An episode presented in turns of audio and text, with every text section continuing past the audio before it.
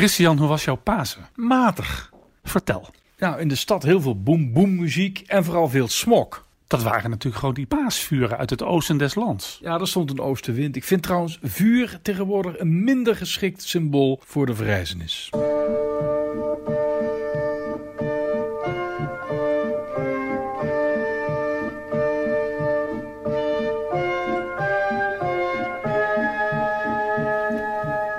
Welkom bij de trouwpodcast De Roomse Loper. Ik ben Stijn Vens. En ik ben Christian van der Heijden. Nou Christian, we hebben een verschrikkelijke tijd achter ons. Met uh, explosies op Sri Lanka, daar, ja, dat dondert nog steeds na. En er was natuurlijk nog die brand in de, ja, de moederkathedraal van Europa, de Notre-Dame in Parijs. De Onze Lieve Vrouwenkathedraal in Parijs stond in de brand en de redactie stuurde jou onmiddellijk naar Parijs.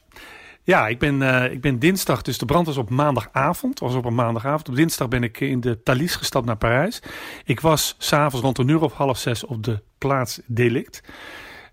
Uh, ik stond op de Quai de Montebello. Daar had je eigenlijk het beste uitzicht, een zijaanzicht op de Notre-Dame. Maar je rook niks. Hè? Je, werd ook wel op grote afstand uh, gehouden. Maar daar stond ik met al die Parijzenaren en uh, ja, te staren en te kijken hoe groot de schade was. En dat was eigenlijk heel stil. Iedereen was een beetje stil. Je zag zakenlieden met een koffertje leunend tegen een huis kijken naar uh, de Notre-Dame, de verwoeste Notre-Dame. Toch een beetje de moeder van uh, de miljoenenstad. Toen ik die beelden zag op sociale media, en die ook door CNN werden uitgezonden, toen had ik een heel dubbel gevoel. Ik vond het natuurlijk verschrikkelijk, maar van de andere kant, wat was het genieten geblazen. Want het was natuurlijk een prachtig spektakel. Dat oranje van dat vuur afgezet tegen die, die huizen uit de 18e eeuw. Schitterend en gruwelijk tegelijk. En uiteindelijk is het toch nog wel meegevallen, want de torens zijn recht overeind blijven staan. Het altaar is uh, overeind blijven staan. En de relieken, de kostbare Christusrelieken. Ja, toen ik daar op de kade stond, daar midden in Parijs, ging ook de naam rond van de brandweerkapelaan. Uh, volgens, mij, volgens mij heet hij Jean-Marc Fournier. De aalmoezenier. De aalmoezenier van de Balma die met gevaar voor eigen leven, terwijl ja, de hele boel op instorten stond, de relieken heeft gered. Uh, onder meer de deel van de doornenkroon. Ik denk ook de tuniek van Saint-Louis die daar bewaard wordt. En ook het Allerheiligste. Dus hij is naar het tabernakel blijkbaar gerend en heeft daar Christus zelf gered voor de verwoestende brand. Nou, dat is natuurlijk prachtig. Ja, het is wel een held. Hè? Deze man was ook uh, al heel snel aanwezig na die gruwelijke terreuraanslag in Bataclan. In die, in die club, daar heeft hij uh, stervenden daar in die zaal de algemene, of de, de algemene absolutie gegeven. Bijzondere man. Maar daar ben je natuurlijk naar op zoek gegaan, maar hij was spoorloos, hè? Nou, we hadden alleen zijn vaste nummer. Dus die man heeft blijkbaar ook ergens in Parijs een, een, bureau waar een telefoon op staat. Nou ja, dat was kansloos natuurlijk. Ik ben wel op mijn laatste avond in Parijs naar de Christma-mis geweest. Die zou natuurlijk gehouden worden in de Notre-Dame, de kathedraal van Parijs. In de Christma-mis worden de oliën gewijd die het jaar door gebruikt wordt voor doopsel, uh, priesterwijdingen, uh, heilig vormsel. Maar ja, dat kon niet in de Notre-Dame, dus die vond plaats in die andere grote kerk van Parijs, de Saint-Sulpice. En daar was de belangstelling zo groot dat er voor de kathedraal een groot scherm was opgesteld. Waar duizenden Parijzenaren ja, actief meededen met die mis. Dus ik stond daar. Ik, en het mooiste was, het beeld op dat scherm was asynchroon. Dus een lied dat binnen begon, dat, dat op de schermen was dat asynchroon. Maar precies die paar seconden die het duurde, werd door de menigte buiten goed gemaakt. Dus dat sloot prachtig op elkaar aan. Die mis in de Saint-Sulpice met die honderden priesters en seminaristen. En de Parijzenaren op straat die op de knieën gingen. Eigenlijk waren ze dakloos. Hun kathedraal, ze hadden geen kathedraal meer. Maar eigenlijk werd Parijs hun dak boven hun hoofd. Heel Parijs leefde mee. Agnosten. Nou, is dat nou zo? Heel Parijs. Nou ja, kijk. Zullen er niet stiekem ook wat atheïsten zijn geweest?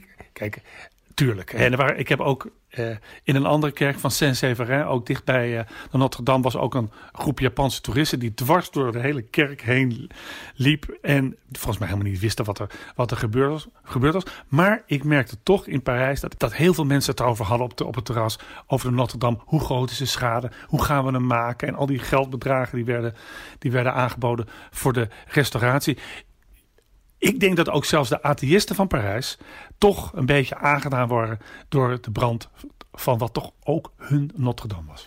Ja, dan uh, zien ze de Notre Dame als een museum. Hè. Hebben het, oh, überhaupt hebben we al last van de musealisering van kerken. Nou ja, nou ja uh, je komt er elke dag langs. Het staat er al even en het, is, het hoort, het hoort tot, je, tot je dagelijkse uitzicht. En dat heb ik ook, dat hoorde ik ook iemand zeggen. Ja, ik weet niet beter of die, die kerk is er in die, in die spits. Is het niet beter als we het gewoon een ruïne laten? Gebeurt niet hoor. Maar, eh, want ja, zoals die kerk er dan uitziet, ja, zo staat de, de echte kerk als gemeenschap er wel een beetje bij. Gehavend. Nee, daar ben ik toch niet voor. Ik ben er eigenlijk wel voor om er een modern element aan toe te voegen. Alsjeblieft niet. Nee, dat wordt een grote discussie natuurlijk. Gaan we hem nu, nu uh, terugbrengen tot de oude staat met die, met die torenspits die spits, die trouwens uit de 19e eeuw uh, dateert. Uh, ik denk dat het dat ook bij Frankrijk hoort om een modern element toe te voegen aan de aloude Notre Dame, die in de, in de geschiedenis al vele malen bij de tijd is gebracht. Monsieur Aupetit, die zit er nog niet zo lang. Dat is een arts trouwens, een hele sympathieke man. Wij zijn hem eens een keer tegengekomen onderweg naar ons favoriete restaurant in, uh, in Rome. Monsieur Michel Aupetit, die krijgt het wel voor zijn kiezen, hè? Ja, ik heb hem uh, nou schade geslagen tijdens die uh, Christma-mis. Ik vond dat hij dat goed deed. Het is, een, het is een nuchtere man. En volgens mij kun je zien dat hij, voordat hij priester is gewijd, twintig jaar iets heel anders heeft gedaan. Nou, hij was gewoon arts. Je moet ook als aartsbisschop, als zo'n ramp je treft, wat een beetje de ramp van de hele wereld is geworden. Want iedereen leefde mee. Ja. Iedereen, dan heb je behoefte aan een uh, arts die de diagnose stelt en vooral rustig blijft. Uh, hij heeft de paasmis op eerste paasdag, paaszondag moeten we eigenlijk zeggen, heeft hij opgedragen in de Sint Eustache, de Sint Eustachius. Ook een schitterende gotische kerk.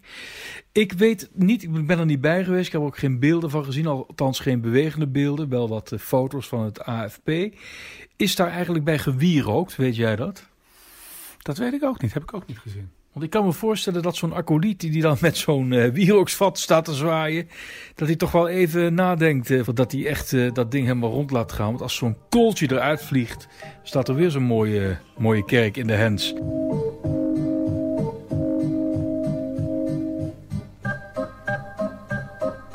Stijn, wij zijn allebei fan van De Speld. Yes, despeld.nl. Nou ja, ik retweet het ook heel graag. Deze is interessant eigenlijk. Daarom, omdat we het over de Notre Dame hebben, daarom wil ik daar even iets over zeggen.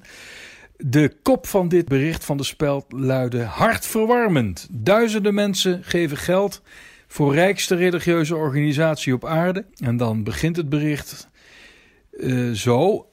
De wereld is geschokt door het afbranden van de Notre Dame in Parijs. Mensen over de hele wereld hopen dat de kathedraal hersteld kan worden en geven daarom geld voor het gebouw van de rijkste religieuze organisatie op aarde. En dan bedoelen ze dan natuurlijk de Rooms-Katholieke Kerk mee. Nou, kijk, ironie is pas leuk als uh, datgene wat je wilt bespotten ook werkelijk bestaat. Als ik bijvoorbeeld eh, de monarchie van Frankrijk wil bespotten eh, door iets ironisch te zeggen over de huidige koning van Frankrijk, dan is de ironie pas geslaagd als er, als er inderdaad ook een koning is in Frankrijk. Maar dat is niet zo, want Frankrijk is een republiek. In dit ironische bericht van de Speld, um, nogmaals, we zijn fan, wordt verondersteld dat deze rijkste organisatie, de katholieke kerk, dat die ook eigenares is van de Notre Dame. Niets is minder waar. Nee, want volgens mij is de Notre Dame eigendom van de Franse staat. Inderdaad. In 1789, hè, Franse revolutie, toen zijn alle kerkgebouwen zijn geconfiskeerd door het nieuwe revolutionaire bewind. En zelfs onder Napoleon, toen hij een concordaat sloot met de paus, toen zijn al die kerken nog steeds uh, het eigendom gebleven van de Franse staat. En dat is zo gebleven zelfs na 1905, uh, de wet van de Derde Franse Republiek, toen de scheiding van kerk en staat wettelijk is vastgelegd. Je zou zeggen, nou, dan krijgen al die kerken hun eigendommen terug. En dan kunnen ze doen wat, wat ze moeten doen met hun eigen godshuizen is niet het geval. Uh, weet jij trouwens hoeveel kathedralen er in Parijs zijn? Mag ik gokken? Uh, elf? Ja. ja. Dat is Ja. goed van mij, hè? Ja, dat is goed voor Ja, jou, is goed van mij. Ja, maar dat is toch ongelooflijk. Elf kathedralen. Oké, nou laat ik je dan nog een vraag stellen. Hoeveel Rooms-Katholieke kathedralen zijn er in Parijs? Dat wil zeggen van de Latijnse rites, hè, dus waar wij bij horen.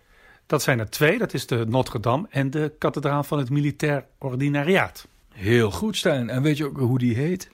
Eh, Dom, de, de, des Invalides. Saint-Louis Saint-Louis des des Invalides. Juist, ja. Saint-Louis des Invalides. Des Invalides. Ja, ja.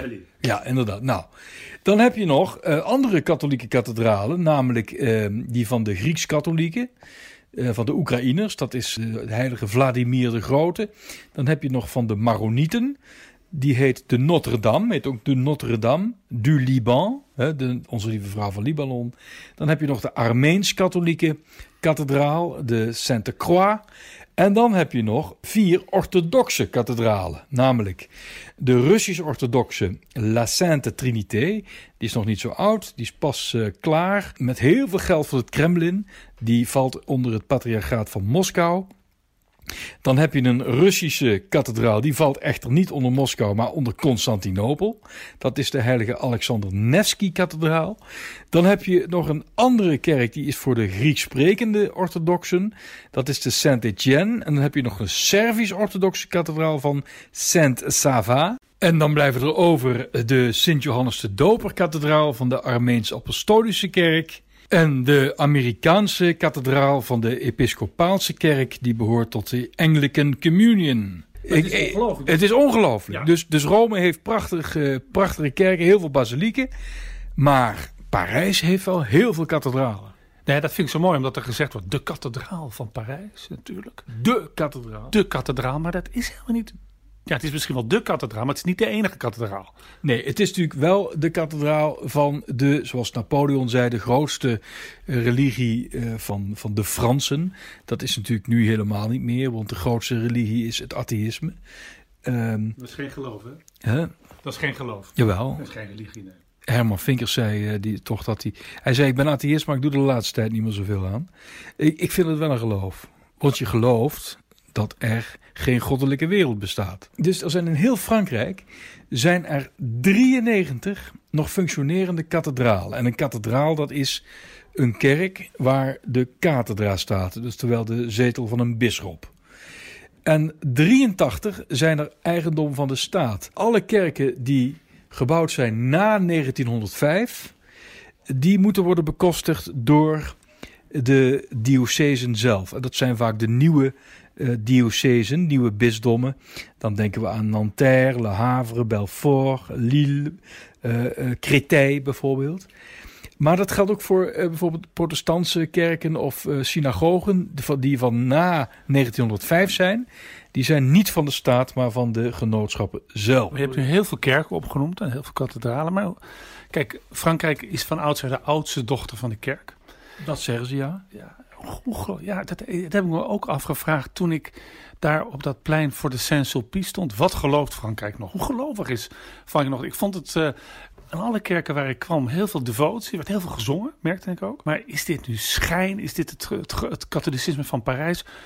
Ehm, dus in hoeverre staat die brand in de Notre-Dame nu eigenlijk voor de staat van het Franse katholicisme? Geplaagd door schandalen en ook wel door kerkverlating. Ja, dat is een eh, goede vraag. Ehm, Geef eens antwoord. nou ja, ik zou zeggen, laat hem lekker staan. Hè. Trek er een stuk zeil over, misschien wat bakstenen en, en klaar. Ruïnes kunnen ook heel mooi zijn. Hè? Maar goed, eh, dat is natuurlijk een, eh, in, de, in de ogen van de meeste mensen een absurd voorstel. Maar het kost ontzettend veel geld. Nu we het toch over kathedralen hebben. Kijk, Frankrijk is het land van de, van de grote, mooie gotische kathedralen. Trouwens, er zijn ook schitterende Romaanse kathedralen. Eh, laten we even luisteren naar het nummer De Tijd van de Kathedralen uit de musical De Notre-Dame de Paris, gebaseerd op de roman De Klokkenleider van de Notre-Dame van Victor Hugo. C'est une histoire qui a pour lieu Paris la belle en langue de Dieu. 1482 Histoire d'amour et de désir. Nous les artistes anonymes de la sculpture ou de la rire tenteront de vous la transcrire pour les siècles à venir. Il est venu le temps des cathédrales,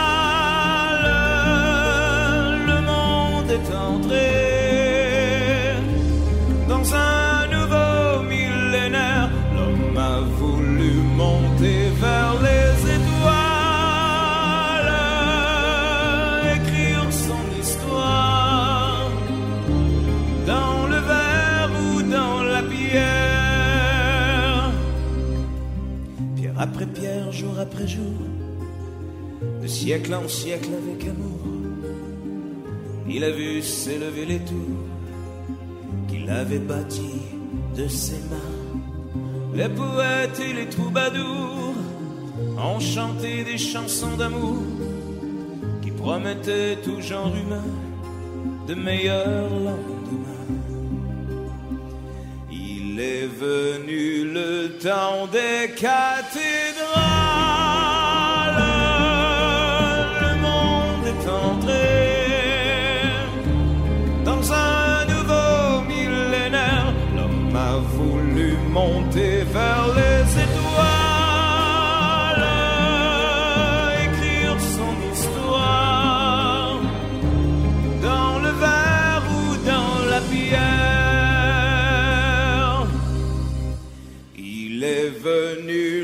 Temps des cathédrales. Le monde est entré dans un nouveau millénaire. L'homme a voulu monter vers les étoiles. Op nog geen kilometer afstand van de Sint Lucia-kathedraal in de hoofdstad van Sri Lanka, Colombo, daar staat het heiligdom van de heilige Antonius van Padua. En dat is een van de kerken die getroffen is door een terroristische zelfmoordaanslag in eh Kochikade. Dat is dus een of andere wijk in Colombo. Echt verschrikkelijk. Op, op eerste paasdag zijn daar honderden slachtoffers gevallen. En dat is echt een ontzettend belangrijk heiligdom. De andere kerk was van de Sint Sebastianus in, in Negombo. En die andere kerk die was, eh, dat ben ik even vergeten, het was een evangelicale kerk trouwens. Maar die Sint Antoniuskerk die is heel belangrijk. Die wordt ook gefrequenteerd door moslims, hindoes, boeddhisten iets minder. Omdat de Singalezen, die hadden in de 19e eeuw veel bezwaren tegen deze kerk. Het was eigenlijk altijd wel een beetje mot tussen katholieken en boeddhisten daar in Sri Lanka. Ik kan er zo weinig zinnigs over zeggen. Ik vind het zo verschrikkelijk als je die beelden ziet. Die begrafenissen, massabegrafenissen. Ehm, ik, ik kan er met mijn verstand niet bij. Nee, eh, maar ik snap wel, eh, er zit natuurlijk een logica in terrorisme. Dus ze pakken een, een, ja, een, een iconische kerk. En, en voor ons is dat misschien een heel onbekende kerk, maar die Sint-Antoniuskerk is echt een echt belangrijk heiligdom. Het is zelfs een nationaal heiligdom. Het is een basiliek. Binnenkort is het daar weer groot feest, 13 juni. Dat, dat is de feestdag van Sint-Antonius van Padua. Het zal dan niet in die kerk zijn. Maar het zal wel worden gevierd, want het is een heel belangrijke heilige. Wist je trouwens dat daar een stukje van de tong van Sint-Antonius wordt bewaard? Een stukje, dus, dus niet de hele tong. Nee, de hele tong die ligt in, eh, in Padua. Dat is heel gek namelijk, want de tong is een spier. En normaal eh, vergaan die. Maar dus de, de tong van, van deze grote kerkleraar, een Franciscaan, gestorven in, eh, in 1231. Trouwens, mijn patroonheilige, Sint Antonius van Padua. Daarom weet ik dit eh, uit mijn hoofd. Jij, jij heet toch Christian? Ja, Christianus Adrianus Antonius. Oh. Ja, ja, ja, ja. Eh, deze tong die, eh, die is dus niet vergaan. Dat is het grote wonder. Dan hebben ze dus een klein stukje afgesneden en naar Sri Lanka verscheept. Toen nog Ceylon. Maar ja, die, dat stukje tong. En ik, ik neem aan dat in dat stukje tong de heilige ook toch aanwezig is. En je zou hopen dat hij een beetje waakte over die eh Sri Lankanen op dit moment. Maar hij heeft de aanslag, Nou, ja. aanslag niet kunnen tegenhouden. Nee, nee. Ja, je wilt zeggen, wat heb je aan zo'n eh, aan zo'n heilige die zoiets gruwelijks niet tegenhoudt? Eh, wij hebben vroeger geleerd, als je iets kwijt bent, bid tot heilige Antonius van Padua. Heilige Antonius, goede vriend, zorg dat ik mijn contactlens vind. En, en nou, heel veel mensen hebben ervaringen mee dat, dat ze dus succes hadden na zo'n gebed. Maar zoiets, Nou ja, ik, ik, jij noemde net de naam Herman Vinkers. Eh, Vinkers heeft mij ooit verteld dat toen hij eh, net zijn rijbewijs had, kreeg hij van zijn moeder een medaillon van de heilige Christoffel. Die zegt, als je nou voor de eerste keer ga, zelfstandig een autorit gaat maken, plakt die dan op het dashboard, dan beschermt de heilige Christ- Christoffel je. Nou, Vinkers rijdt de straat bij zijn moeder rijdt die auto totaal los. En komt terug bij zijn moeder en zegt, ja, wat maak je me nou? Jij hebt mij dat, dat medaillon gegeven, eh, bescherming, en ik rijd die auto totaal los. Toen sprak zijn moeder de wijze woorden, ja, maar Herman, anders was je wel dood geweest. Nou, dat is, het, het is een wat lichte anekdote vergeleken met dat verschrikkelijke leed daar. Maar misschien dat het wel zo is dat Antonius van Padua, als hij daar aanwezig is geweest, in dat minuscule stukje tong, misschien de mensen nog voor nog, nog grotere ellende heeft behoed. Eh, je mag het hopen, maar ik, ik, ik kan er met mijn verstand gewoon niet bij. Toch moet ik even. ehm, ik, ik, ik vind het vreselijk om jou te corrigeren. Maar Sint Antonius is niet aanwezig in zijn stukje tong. Want na de dood, hè, dan wordt de lichaam en ziel van elkaar gescheiden. Maar het verwijst nog wel naar die Ah, ja. Hè? Ja, maar dat, ja, nou, dan ga je. Dat, dat, tuurlijk, dat bedoel ik ook. eh.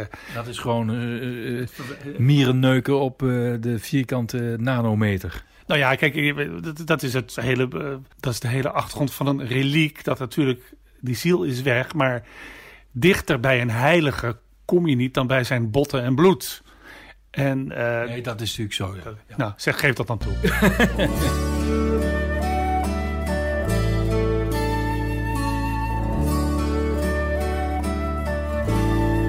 Kein schöner Land in dieser Zeit, als hier das unsere weit und breit, wo wir uns finden, wohl unter Linden zur Abendzeit, wo wir uns finden, wohl unter Linden zur Abendzeit.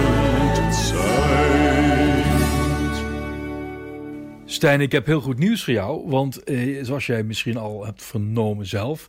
Heino komt naar de Zwarte Cross. Nou, dus, dus eh, wanneer wordt dat gehouden? Eh, in juli meen ik hè? Nou, ik ga je.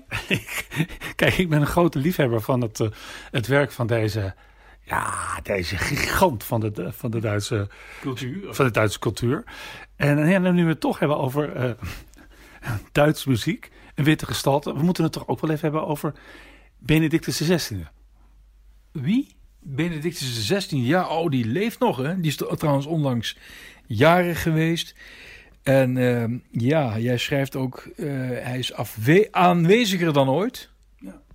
Terwijl hij toch eindelijk beloofd zou hebben dat hij zich koest zou houden. Nou, we weten allemaal dat eh, we, zijn, we waren er samen bij op, eh, wat was het, eind februari 2013. Hij, 28 februari 2013. hij verliet het Vaticaan, hij had zijn aftreden Wat een showbink hè, was dat. Ja, toen met die schitterende witte helikopter over Rome en dat, langs dat Colosseum naar Castel Gandolfo. Daar heeft hij te, twee maanden gezeten of zo.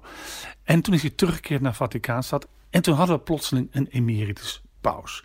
Dat was, nou ja, dat is misschien ooit wel eens verkeerd voorgekomen, maar in feite uniek en zonder precedent. En je zag al dat die kerk een beetje worstelde. Hoe moeten we daarmee omgaan? Nou, gelukkig heeft Benedictus zelf altijd zich bescheiden opgesteld. Hij is gaan wonen in een klooster midden in de Vaticaanstad. Lezen, bidden. Je zag af en toe vooral foto's van mensen die bij hem op bezoek kwamen. Dan zat hij net iets te dik aangekleed op een bankje. Soms zelfs met een pul bier. Maar hij hield zich uit hij hield zich in de luwte, bemoeide zich niet met zijn voorganger, liep die niet voor de voeten tot een paar weken geleden. Want wat is er toen gebeurd? Nou, toen heeft hij een, eh, een, een artikel geschreven, eh, een essay, 6000 woorden, voor een Duits, ja, een Beiers priesterblad, Klerusblad. Ja, dan zag ik helemaal, dan zie ik zo'n prachtige Duitse postbode fietsend door de, door de Beierse Alpen naar een prachtige kerk met een pastorie daarnaast, om dan het, het Klerusblad in de, in de bus te gooien, waar dan een stuk in stond van Benedictus XVI over het hoofdpijndossier van de katholieke kerk op dit moment seksueel misbruik. Dus de man die, ja, misschien, eh, wat is het, zes jaar op zijn tong heeft moeten bijten, zich lange tijd heeft ingehouden, heeft weer van zich laten horen, heeft het stilzwijgen doorbroken. Ja, en wij hebben hier kennis van genomen, omdat het namelijk door de medewerkers van Ratzinger uh, verspreid is naar allerlei uh, katholieke media. Ik heb het gelezen in het Duits en in het Engels. Uh, ik, heb, ik heb er even goed op moeten kouwen, want het is niet makkelijk. En je weet eigenlijk niet wat je leest. Hoe kunnen we dit nou voor de luisteraar zo kort mogelijk en zo goed mogelijk uitleggen wat hij daar schrijft? Ik doe even een poging. Hij um, had aantekeningen gemaakt tijdens het topberaad in Vaticaanstad van voorzitters van nationale bisschoppenconferenties uit de hele wereld over misbruik rond de paus. En die notities heeft hij verwerkt tot een essay. Dat bestaat uit drie delen. En hij zegt eigenlijk dat hele gedoe met dat seksueel misbruik is een gevolg, mag ik dat zo zeggen? Ja, dat mag jij zo zeggen. Dat is een gevolg van de teloorgang van de traditionele normen en waarden gebaseerd op de natuurwet. De seksuele revolutie is gekomen. Uh, niemand weet meer wat, wat, wat nou echt goed en echt kwaad is. Uh, het absoluut goede en het absoluut kwade zijn verworpen. Het hangt allemaal af van de situatie. Nou, en voor je het weet, dan krijg je, zo schrijft Ratzinger letterlijk, dan krijg je uh, homoclubs op seminaries, bisschoppen die aan seminaristen pornofilms vertonen en wat dies meer zei. En dat allemaal heeft er ook toe geleid dat er een soort pedofiele outbreak is gekomen. Dan weet je toch niet wat je leest zijn. Nee, je weet niet wat je leest. En zeker als je ziet de, moe, de moeizame worsteling die die kerk waar, eh, waar die in die kerk verwikkeld is als het gaat om misbruik. De paus, de, de regerende paus, om het zo maar te zeggen, die alle zeilen moet bijzetten om zijn erfenis te redden. Om te zorgen dat die hele wereld, dat hele, die hele wereldkerk doorkrijgt dat het een probleem is dat gezamenlijk moet worden aangepakt. En dan komt zijn, uh, zijn voorganger met een verhaal dat toch hier en daar behoorlijk wringt. Waar Franciscus mee bezig is. Maar vooral de man die beloofd had, eigenlijk gezegd: ik blijf in de luwte. De man die heeft aangekondigd of heeft laten uitleggen dat hij nooit meer iets zal schrijven, heeft op een cruciaal punt in de kerkgeschiedenis toch het stilzwijgen doorbroken. Ja, en voor verwarring gezorgd. Ik kan niet anders zeggen. Ik vind het. En bovendien vind ik, en dat ben ik eens met, uh, met, met sommige critici, dat hij ook toch wel een karikatuur maakt van het hele misbruikprobleem. Want jij en ik weten heel goed dat dat misbruik, dat gaat niet alleen even terug, maar het, het meeste misbruik in Nederland heeft, als ik me niet vergis, juist voor 1968, voor die hele seksuele revolutie plaatsgevonden. Ja, dat, dat kun je ook heel duidelijk lezen in het uh, rapport van de commissie Deetman. Al die broeders hè, op, en, en die, uh, die, die, die internaten en zo, nou dat was allemaal voor 1968. Dus uh, da daarna ook wel, maar, maar het is toch vooral iets van het rijke Roomse leven, waar jongens compleet zijn overgeleverd aan machtsstructuren. En ja, dan zitten er een paar pedofielen en die gaan hun gang. Nou ja, hij doet bijna voorkomen dat, dat eigenlijk tot die uh, dat het allemaal goed was in die kerk. En toen zette er één iemand een raam open, waardoor die seksuele revolutie kon binnendringen. En toen ging het mis. Ja, ja dat, dat, is, dat, dat, is, dat is complete onzin. Ik, ik heb deze man heel hoog, maar ik begrijp niet dat hij zo'n fout heeft kunnen maken in zijn analyse. Of zien wij nu iets over het hoofd? Ik ben het met je eens. Ik heb hem uh, ook hoog zitten. Sterker nog, uh, nadat hij is afgetreden, is mijn sympathie voor hem alleen maar alleen maar gegroeid. Als je kijkt uh, dat alles waar, veel dingen waar Franciscus applaus voor krijgt, zijn eigenlijk door hem in gang gezet. De hele klimaatdiscussie, de, uh, de kerk die zich moet afwenden van de wereld, hè, de wereldse zaken. Ook wel dat ik heb gezien dat hij rond een aantal cruciale misbruikdossiers onder Johannes Paus II uiteindelijk hij toch voor actie heeft gepleit. Dus ik heb hem hoog zitten. Maar, maar dit had hij beter achterwege kunnen laten. Nou is het wel zo dat hij iets zeer interessants beschrijft in deel 2 van zijn essay. Daar haalt hij namelijk een bijbeltekst aan en die bijbeltekst die wordt te pas en te onpas uh, toegepast op het seksueel misbruiksschandaal. En die komt uit het Marcus Evangelie, hoofdstuk 9 vers 42, ik citeer. En als Jezus aan het woord. Als iemand, een van deze kleine die geloven aanstoot geeft, het zou beter voor hem zijn als men hem een molensteen om de hals deed en een zee wierp. Eh, die tekst kennen we allemaal. Nu zegt Benedictus, oorspronkelijk is deze tekst natuurlijk helemaal niet eh, toepasbaar. eh, of de context daarvan is helemaal geen seksueel misbruik. Wat hij bedoelt is als iemand heel hoogwaardig is en, eh, en, en, en heel geleerd en allerlei eh, dingen zegt die tegen het evangelie eh, ingaan en daarmee de kleinen die geloven zo voor het hoofd stoten dat die hun geloof zouden kunnen verliezen. Dat is eigenlijk een van de ergste dingen die een mens kan doen. Vandaar de molensteen om de hals. En toen heeft Benedictus, toen hij, nee, so- sorry moet ik zeggen, kardinaal Ratzinger, heeft eh, met Johannes Paulus II gezegd: In ons huidige kerkelijk recht wordt iedereen die aangeklaagd wordt, die gedaagd wordt, bijvoorbeeld priesters die, worden, eh, die van seksueel misbruik worden, worden verdacht, die worden gedaagd voor de, voor de eh diocesane rechtbank. En dat kan eventueel worden uitgevochten bij de congregatie voor de kleris.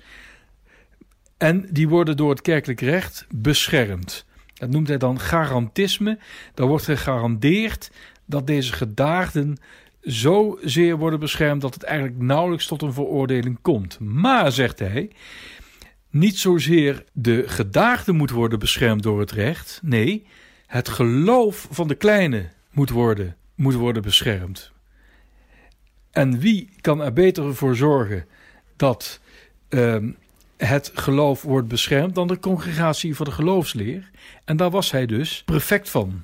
Dus hij heeft dus besloten, samen met Johannes Paulus II natuurlijk, in naam van Johannes Paulus II, om de zogeheten delicta majora contra fidem, om die ehm, te laten behandelen uiteindelijk door de congregatie voor de geloofsleer. Met andere woorden, als een priester een kind misbruikt, dan is dat natuurlijk een misdaad volgens het civiel straf, strafrecht. Maar het is vooral, zegt hij, dat, dat vind ik toch wel eh, baanbrekend geweest van Ratzinger. Dat beschrijft hij toch wel mooi in dat essay.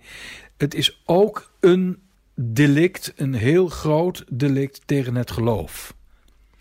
En omdat het dus bij de congregatie voor de geloofsleer wordt behandeld, kan de hoogst denkbare straf die het kerkelijk recht heeft worden toegepast. Dat is namelijk iemand uit de priesterstand gooien. Of beter gezegd, uit de klerikale staat wegzenden. En dat kon voorheen niet. Toen bleven die priesters, waarvan de bisschoppen ook wel eh, bewijzen hadden dat ze aan de kinderen hadden gezeten, die bleven altijd onder de zorg vallen van die bisschop. Dus die bisschop had een probleem. Daar komt natuurlijk dat hele doofpotbeleid ook uit voort.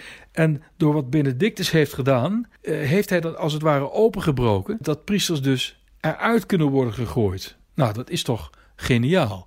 Alleen, hoe hij dat beschrijft, is allemaal, mooi. Maar dat neemt niet weg, en dat beschrijf jij ook in jouw column eh, op zaterdag, dat, ja, dat hij toch een, een heel vreemde analyse heeft gemaakt van de oorzaak van het pedofilie-schandaal. Ja, het, was, het trouwens eh, groter dan een column. Het is, het is echt een artikel. Ik deel jouw analyse. Ik vind wel dat, in dat ben ik eens met de Italiaanse historicus en theoloog Massimo Fagioli. Die zegt, de slachtoffers komen er bekaaid, toch uiteindelijk bekaaid af in dat stuk. Hij noemt ze een paar keer. Hij, ik heb het opgezet, hij noemt, eh, hij heeft het één keer over slachtoffers. Eén keer. Eén, één keer vind ik wel weinig hoor.